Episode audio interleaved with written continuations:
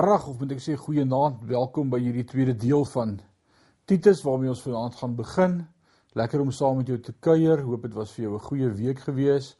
Hoop jy is gereed vanaand vir die woord. Kry vir jou 'n koppie koffie en uh, kom sit saam met ons en ons gaan lekker gesels rondom die woord van die Here. So voor ons begin, kom ons sit net so en dan bid ons saam. Ewige God en Hemelse Vader, baie dankie vir hierdie pragtige woord van God dit wat U vir ons gelos het, dit wat die verskil maak in ons lewe. Dankie Johannes leer ons dat U het vlees geword en onder ons kom woon. Hierdie woord van God vanaand aan ons ook geopenbaar. Dankie vir die woord, dankie vir Titus vanaand. Ek wil bid mag dit 'n groot seën wees vir elkeen van ons vanaand. Mag ons daaruit leer. Praat met ons, Here. Dis my gebed in Jesus naam. En sê ons sê amen en amen. Loof die Here.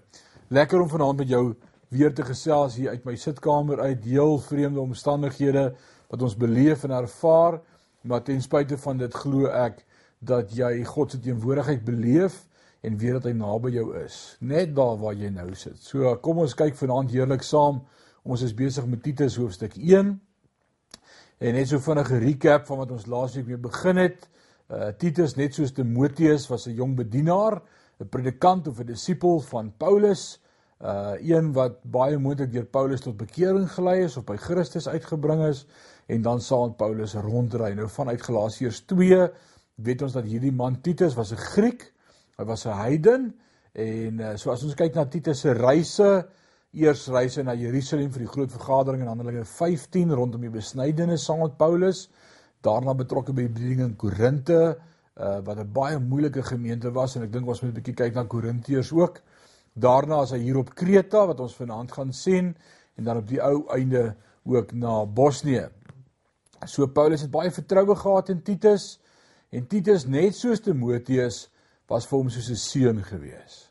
So as hy hierdie brief aan Timoteus skryf terwyl hy op die eiland Kreta is, dis nou uh, Titus, waar sit Timoteus as hy hierdie vir hom skryf en ons het laasweek gesien Die boek leer vir ons hy sit in die tronk in die gevangenis. Dis tussen 1 en 2 Timoteus uh op die tydlyn en dan skryf hy hierdie tweede laaste brief met ander woorde die laaste brief aan Titus wat hy vir hom skrywe. En ons gaan vanaand begin waar ons laasweek opgehou het met vers 5. Lees saam met my. Om hierdie rede het ek jou in Kreta agtergelaat. Dit dui vir ons daarop dat Paulus saam met Titus hier in Kreta was, maar vir Titus gesê het om hier agter te bly. Nou kom hy my, hoekom is die rede? Dalk was daar 'n bekommernis of 'n vraagteken of twee in Titus se hart gewees. Ek wonder hoekom het Paulus my nou hier gelos? Dit het so lekker gegaan. Ons was in Jerusalem. Ons het daai vergadering gewen teen die besnydenis. Ons was saam met Korinte wat 'n moeilike gemeente was. En nou los hy my hier. En soms voel dit vir my en vir jou in die lewe asof God ons op moeilike plekke los. En ek en jy sou eerder vir mekaar vra, maar kan ons nie net saam met hom aanbeweeg het nie? Is daar nie is daar nie beter plekke om te wees in as, as dit waar ek nou is nie? Hierdie moeilike omstandighede. Ek wil vir jou sê dis alles deel van God se plan met jou lewe. Dis alles deel dat ek en jy God se hand in ons lewe sal beleef en ervaar. En ek wil vanaand vir jou sê, jy wat sê ek's op 'n moeilike plek in my lewe en dit voel vir my asof die Here my net hier gelos het en ek weet nie wat nou nie. Ek wil vanaand oor jou sê. God het 'n plan met jou lewe. Net soos wat Paulus 'n rede het hoekom hy vir Titus hier los op die eiland Kreta, wil ek vir jou sê, vir my en jou as kind van God in hierdie wêreld, is alles wat gebeur met 'n doel en vir 'n rede. En, en moenie God se rede bevraagteken nie. Dalk kom die antwoord eers later. Dalk sal ek later terugkyk en sê, "Ah, nou maak dit sin. Nou verstaan ek." Bly net by die Here. So dalk het Titus al vir 'n geruime tyd lank met 'n vraagteken in sy hart geloop en dan kom die brief van Paulus af wat hy vir hom skryf en dan sê hy vir hom wat is die rede hoekom hy hom in Kreta agtergelaat het. Ek dink hierdie was vir Titus 'n 'n wonderlike dag gewees toe uiteindelik agterkom, okay, maar dit was Paulus se gedagtes gewees rondom hoekom ek hier moes bly en hoor wat sê die woord. Hy sê dat jy nog verder sou regmaak wat oorgebly het en van stad tot stad ouderlinge sou aanstel soos ek jou beveel het. So hier was die opdrag gewees van Paulus aan Titus is om foute reg te maak, uh om reg te maak dit wat oorgebly het wat nog nie korrek is nie en die eerste manier om dit te doen is om van stad tot stad ouderlinge aan te stel soos wat Paulus vir Titus beveel het. Nou dink ek jy kan dalk vanaand vir my sê maar wag 'n oomblik. Uh ons stel dan nie ouderlinge aan nie of ons het nie ouderlinge in ons gemeente nie of hoe werk die ouderlinge ding nog? Is daar nog ouderlinge? Wel nee, ons ons doen nie. Ons volg die Bybel as voorbeeld en die woord leer ons dat ouderlinge deur God aangestel word en nie verkies word nie. So die die amp van ouderling kom van God af. En ons gaan vanaand ook spesifiek daarna kyk. Uh want as dit nie van God af gekom het nie, maar van ons mense kant af, dan wou ek vir jou gesê dis 'n ramp, 'n resep vir 'n ramp uh en dan ontstaan daar wetywer tussen individue. So geestelike leierskap word nie baseer op populêre persoonlikhede of die oorredende uh, faktore van mense nie. Titus, hy sê vir Titus, Titus, jy kies ouderlinge. Die woord aanstel is die Engelse woord ordain of ordination. Met ander woorde gee erkenning aan hulle amp soos wat dit ontvang is van God. Dit is die korrekte verstaan van hierdie teks. So Moses kry die opdrag van die Here en die Here sê vir Moses: "Moses, kies vir jou ouderlinge. Kies vir jou manne met godsvrug. Kies vir jou manne wat 'n suiwer wandel het in hulle verhouding met die Here, dat hulle jou kan help om te heers oor hierdie volk en sommige is aangestel oor 50, sommige sommige oor 100, sommige oor 1000 en saam met Moses kon hulle dan hierdie volk bymekaar kom en regeer. Nou dit was God se opdrag gewees. En nou op dieselfde manier skryf Paulus vir Titus en hy sê vir hom kies vir jou ouderlinge want jy kan nie alleen die werk doen nie. In elke dorp op die eiland kies vir jou ouderlinge. Stel hulle aan. Kyk rond vir hulle, Maak jou oë oop. Hou die mense dop. God sal jou wys wie's die ouens wat saam met jou in die bediening voor moet vat. So, hoe lyk so ouderling? En nou skryf hy vir hom, Titus, as jy sou vergeet of as jy sou miskyk of as jy soek, hier's die kriteria. En, en ek wil vanaand oor hierdie kriteria praat, nie net vir ouderlinge nie, maar vir elke volgeling van Christus. Uh, hier's 'n pragtige voorbeeld 'n rolmodel as te ware van hoe so 'n persoon of individu moet lyk. So kom ons kyk wat sê die woord van die Here vanaf vers 6. As iemand onberispelik is. Nou onberispelik beteken dit volmaak? Beteken dit sonder foute? Ek wil sê nee. Dit beteken nie volmaak of sonder foute nie. Inteendeel, die woord onberispelik, met ander woorde, 'n ouderling moet nie iemand wees na wie daar vinger gewys kan word nie. Iemand moet nie kan sê, "Ja, maar kyk wat doen hy nie." Of kyk wat doen sy nie. Uh, kyk kyk hoe lewe hulle. Nee. Mense moet nooit 'n geestelike leier na kan vinger wys nie. Ons moet as geestelike leiers as as kinders van God, as volk van God, as as volgelinge van Christus moet ons lewe so wees in die wêreld dat hulle nie met ons kan fout vind nie. Jesus as hy voor Pontius Pilatus is, wat is die aanklag net voor sy kruisiging en dan En dan sê Pontius Pilatus ek ek was my hande in onskuld want ek kan by hierdie man geen fout vind nie. Dis fyn as ouens nie van jou hou nie. Maar dan moet jy na jou karakter kan kyk en sê, "Ag, weet jy daai ou, kyk hoe lewe hy of of kyk wat maak hy of kyk kyk hoe praat hy of of of kyk wat doen hy." En dis wat Paulus opnuut vanaand weer deur Titus met my en met jou kom praat en sê, "Ons moet ons lewe onberispelik lewe." Ek wil sê hierdie is vanaand 'n oproep tot heiligmaking. Hierdie is vanaand 'n voorbeeld vir elkeen van ons. Begin by my, by jou, by elkeen van ons as kinders van God om om werklik te sê Heilige Gees, Sit die soeklig aan in my lewe. Dawid bid dit, hy sê deur grond my o Heer en ken my hart. Toets my en ken tot my gedagtes en kyk of daar by my 'n weg is van smart. Lei my op die ewige weg. Ons gebed elke dag moet wees, Here, wys my as daar dinge is in my lewe. Dis omdat die kerk wil voorgee. Uh, in die wêreld praat van skyn heilig. Ons ons wil voorgee alles is oukei, okay, maar alles is nie oukei okay nie. En dis fyn as alles nie oukei okay is nie. Maar dis waar my verhouding met God inkom en dis wat ek elke dag hierdie week doen, as ek stil word in ons stilte tyd en ons het die oordeenkings gehad en in hierdie volgende tyd van môre af gaan ons 'n besonderse tyd ook hê uh, wat wat ons net gaan praat oor in stil wees vind ek my krag in stil wees. Sommige net by God se voete sit en met hom praat en sê Here, hoe lyk ek? Hoe lyk ek in die wêreld? Hoe lyk ek vir die wêreld? So Paulus kom hier met 'n met 'n met 'n paar voorstelle, idees en hy sê in die eerste plek onberusblik. Onberusblik. Geen vinger word gewys na hoe hy handel dryf of hoe hy lewe nie. En dan sê hy 'n man van een vrou. Een vrou. Ons praat nie hier van meer as een vrou nie. Uh, jy kan nie meer as een vrou voor lief wees nie. As jy nog nie getroud is nie, kan jy meer as een verhouding wees nie.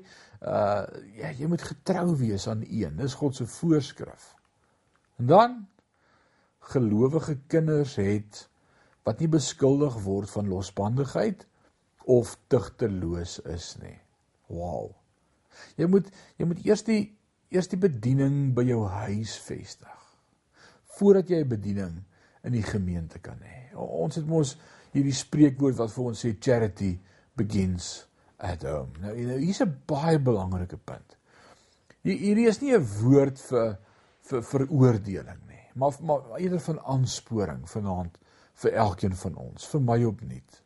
Kry jou huis in orde. Wees lief vir jou vrou. Kry jou kinders se harte by die Here uit. En tugtig hulle. Loop in 'n reguit verhouding met God, dan sal jy ook ander na God kan lei. Baie keer wil ons ander mense na God lei, maar ons eie huis, ons allerlei daaronder. Dis soos hierdie seentjie en sy ma wat op die begrafnis is van hulle pa, van van haar man en die kind se pa en en halfpad in hierdie begrafnis terwyl die dominee preek en sy hart uit preek en net vertel van hoe goed Piet was en hoe awesome Piet was en hoe great man Piet was en al het Piet nie baie in die kerk gekom nie, weet hy Piet is in die hemel en so halfpad in die preek toe vat die ma die kind se hand en sy sê kom seun, hierdie is beslis nie die regte begrafnis nie. Jy, jy sien die mense by die huis ken jou. Hulle ken jou anderster as wat die ouens daar buite jou ken. En daarom moet die getuienis en dis wat Paulus vir Titus sê, die getuienis van so godsman begin by sy huis by sy vrou en by sy kinders. As hy regtig God se woord glo, dan is daar tugtiging en daar's straf en en, en daar's 'n regwys en 'n in 'n vrees vir God. Sulke kinders en so vrou moet moet eerstens 'n verhouding hê met die Here. So dis die aansporing vir elkeen van ons vanaand opnuut. So as jy kinders het wat ongelowig is en tugteloos is, dan beskuldig jou nie vanaand daarvan nie.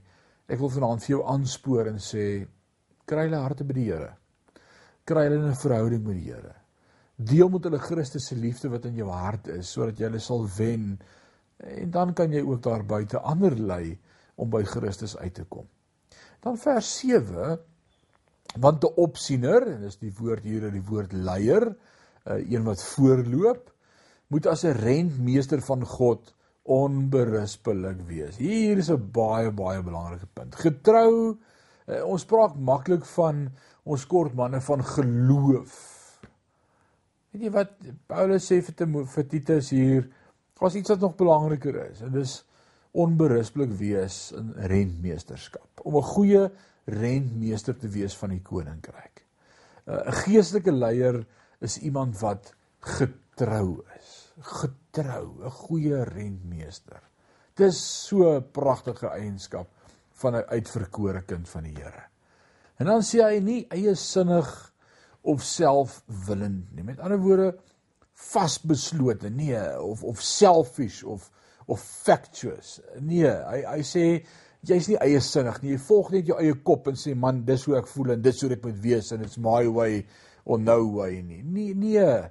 'n uh, ouderling is iemand wat wat sag geaard is en wat sê, hm, ek hoor wat sê ander en en ja, dis ons ons kan ook dit op daardie manier doen. Jy loop net met jou eie kop en eie plan nie. En dan sê hy nie oplopend nie. En die Engels sê not so angry. Met ander woorde, moenie meerig wees nie, kort van draad wees nie. Nee, as kinders van God beleef ek en jy moet sy vrede in ons harte en ons deel daardie vrede met God se kinders en hulle moet sy vrede in ons kan sien. Uh, so as ek en jy in 'n geestelike ampel staan, kan ek en jy nie iemand wees wat gou kwaad word of ons hier meer verloor nie. Nooit nie, want want God se karakter is lankmoedig. En ek en jy moet onthou dat as God se volgelinge en sy disippels, maar ook sy leiers op aarde, het ons 'n verantwoordelikheid om vir die volk te wys hoe lyk God. En as God 'n God is van liefde, dan moet ek 'n persoon wees van liefde. En God is lankmoedig. Beteken ek moet ook lank geduldig bly en lankmoedig wees. En dan sê hy 'n paar dinge wat ons gerus na kan kyk. Hy sê geen drinker, geen vegter, geen vuil gewin soeker nie. Met ander woorde, nie verkeerde gewoontes nie. Nie nie gewoontes wat jou sal in die skande steek nie. Vry van die wêreld, nie onder die juk van sonde nie. Dis 'n getuienis dat God ook jou God is, dat daar verlossing is en dat hy ook dit aan jou betoon het en jy dit beleef het in jou lewe en dat daar werklik vryheid is.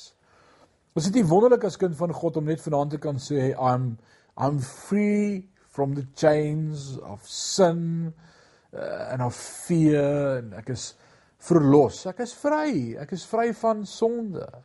God maak my vry. En as jy nog nie op daardie punt kan kom in jou lewe waar jy dit kan bely saam met my vanaand, nie bid daarvoor. Bid daarvoor dat God jou sal vrymaak, 100% vrymaak van elke stronghold, van elke vesting wat daar in jou lewe mag heers. En dis die wonderlike getuienis wat ons hoor is dat God vrymaak, dat dat God my net vrymaak van sonde. Ek kan self daarvan getuig. Praat net met die Here daaroor. As jy lank genoeg met die Here praat oor jou issue, beloof ek jou hy gaan 'n vryheid bring in jou hart. Dit is net God wat dit kan doen. Dis nie 'n ander keuse of 'n ander mindset of 'n ander besluit nie. Geen besluit wat ek en jy maak kan maak dat ons kan deel met sonde nie. Net God kan ons help deur wedergeboorte om te deel met sonde. As ons verstaan dat die vyand uitgeklee is aan die kruis, uh, as gevolg van die kruis, die werk van die kruis was ons as oorwinning vir my en vir jou en ek moet dit beleef en ervaar en dan sê Romeine 12 vers 2 vir ons hoekom ons daarby uit? Jy moet anders begin dink. Dan moet 'n nuwe manier van dink kom by my en by jou. En dan sê hy in vers 8 en hy begin met hierdie woorde en hy sê maar gasvry gasvry. En dit dis 'n pragtige woord. Paulus sê ook vir Timoteus wees gasvry. Maar vir Titus sê hy hierdie maar gasvry, die Engels dink ek is meer korrek. Hy sê jy moet lief wees om gasvryheid te betoon. Dis dis waarop daardie gedagte sin speel. Is is jy moet net gasvry wees uit dwang uit nie. Jy jy moet lief wees daarvoor. Wees lief om mense te entertain, om om om te kuier met mense, om vir mense te wys dat hulle belangrik is vir jou. Spandeer tyd en wees gasvry. Gee vir hulle. Bless hulle. Wees 'n blessing vir ander. En in hierdie tyd waarin ons leef, is dit moeilik om gasvryheid te betoon of te bewys aan mense. Dis dis moeilik om in jou huis vasgeklem te wees en en gasvryheid te demonstreer. Dis dis baie moeilik. Uh ek het 'n vriend hier by ons in die in die gemeenskap en so so week of wat gelede toe bel hy my net en sê uh, ek wil jou bless. Ek ek ek weet nie hoe kan ek jou bless nie, maar ek wil jou bless. Ons ons wil kuier, maar ons mag nie kuier nie. Uh ek gaan 'n koek by jou huis net aflaai. Dis dis 'n teken van gasvryheid, van om uit te reik na mense toe. Dan wil ek vir jou 'n paar tips gee in hierdie tyd wat dit moeilik is om gasvry te wees en en en te connect met mense. WhatsApp is 'n een eenvoudige manier om om jou hart en jou gevoelens met iemand te kan deel in woorde. Dis nie so goed soos om iemand voor jou te sien nie, maar daar's verskillende maniere wat ek gevind het in hierdie tyd om om gasvry te kan wees, om nog steeds mense te kan bless. En daai woord gasvry gaan vir my meer, dit gaan oor om 'n blessing te wees. Wees lief daarvoor om 'n blessing te wees vir ander. En daar's verskillende maniere om mense te bless. En bid dat die Heilige Gees vir jou sal wys in hierdie tyd. Hoe kan jy 'n blessing wees vir ander mense, vir behoeftige mense, vir mense wat dit regtig nodig het. Uh vir ouens vir wie jy lief is. Bless hulle. Bless hulle. Dis lekker om te bless want weet jy wat? God gee altyd weer terug. En dis die awesome daarvan om te bless. A lover of hospitality. En dan word 'n dienaar met iemand wees wat lief is vir gasvryheid en uh Hoekom dink ek ou sommige mense nie daarvan om gasvry te wees nie of hoekom is dit vir ouens 'n moeilike bediening? Ek dink hulle doen te veel moeite. Ek laat my dink aan Martha in Lukas 10 as ons daardie bekende verhaal lees van Martha Maria uh, Maria sit by die voete van Jesus. Martha besig in die kombuis werk, hard skoffel en dan sê sy nog vir Jesus, Jesus sê vir Maria sy moet kom help. En dan sê Jesus vir hierdie woorde, hy sê Martha, net een ding het ek gesoek. En as ons prakties en eenvoudig vanaand daarna wil kyk, dan wil ek amper sê dis asof hy vir haar sê, jy maak al hierdie geregte en al hierdie dinge en jy, ek het net een ietsie gesoek om te eet, maar jy's so besig met hierdie klomp goed. Maar dan dink ek gasvryheid wil ek vanaand sê is eenvoudig. Dis eenvoudig. Ons het al by mense gekuier in ons lewe, ek en my vrou veral voor ons uh voor ons kinders daar was. Ek onthou in van ons vorige gemeente voor ons kinders gebore was, het die oom en tannie ons genooi om by hulle te kom eet. Ah, dit was awesome. Duitsers en dit was 'n spread. Daai tafel het gekreun van die kos. En dit was die eerste keer in my lewe wat ek in iemand se huis 'n vyf gang maaltyd beleef het. Uh en en tussenin was daar nog hierdie vars broodrolls op die tafel gewees met botter en wow en iewers tussen die slaai en die sop het ek na die brood gegryp en toe ek baie mooi reggewys en gesê nee nee nee brood is vir pudding na die tyd saam met konfyt. Dit pas nie nou hier in nie. Uh en, en dit was ons het beleef as gasvryheid, maar hulle het ons nooit weer genooi nie. Want dit is moeilik om soveel moeite te doen vir mense. En mense is so moeg na die tyd. Ek en my vrou het al mense onthaal en jy probeer jou beste voorsit en berei 'n klomp disse voor en en dan na die tyd dan dink jy, "Ag, oh, ek is so moeg. Hoekom het ons dit gedoen?" Dis nie gasvry nie. Dis nie gasvry nie. Maar weet jy wat ek die wonderlikste gasvryheid in my lewe nog beleef by mense wat so eenvoudig, plain, plat op die grond is. Sê vanaand eet jy sommer net saam met ons, dis net sop en brood. Jy, jy voel nie jy's in die pad nie, jy voel net jy kan net jouself wees. Dis gasvryheid.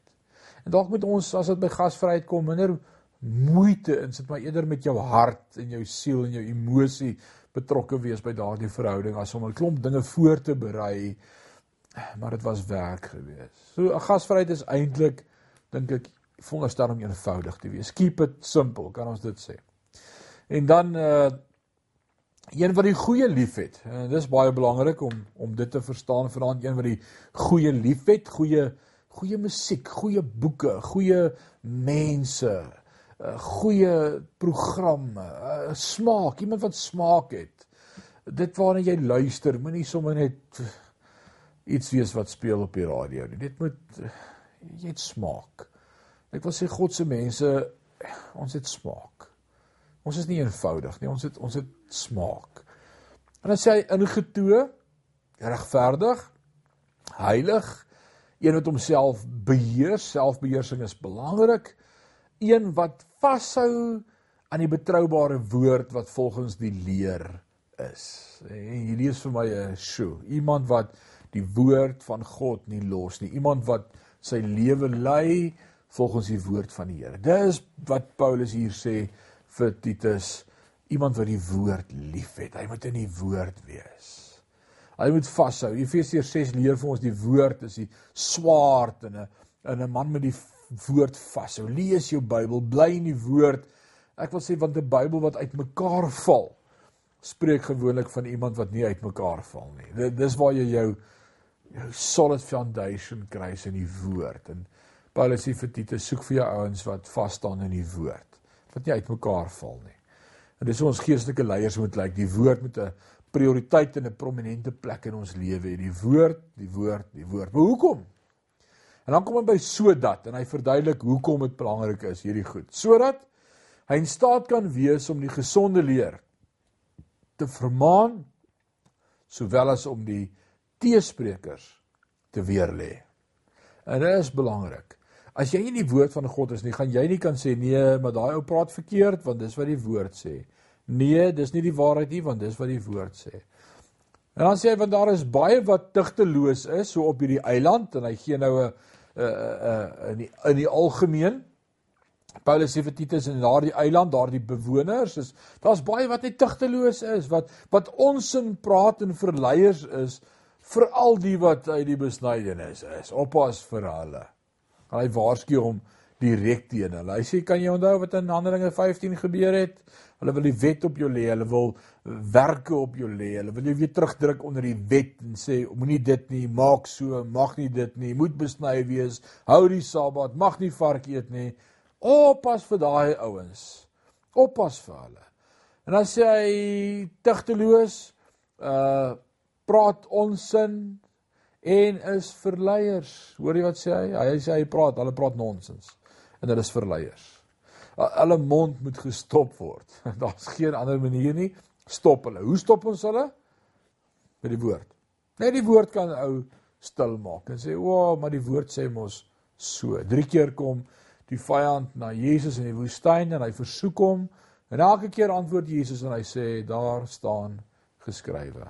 Net die woord. Hulle keer hulle huise onderste bo deur te leer wat nie bestaan nie terwyl hulle van vuil wins. Dit dis baie interessant as jy dit sê hulle keer hulle huise onderste bo met ander woorde daai ou se huis is gewoonlik in chaos, daar's geen vrede in daai huis nie, daar's nie verhouding tussen die man en die vrou nie, niks werk uit nie uh, en dis alles terwyl van vuil wins, geld. Vers 12 sê en hy het hulle al eie profeet het gesê uh Die kretense is altyd leenaars. Ongediertes. Lui buike.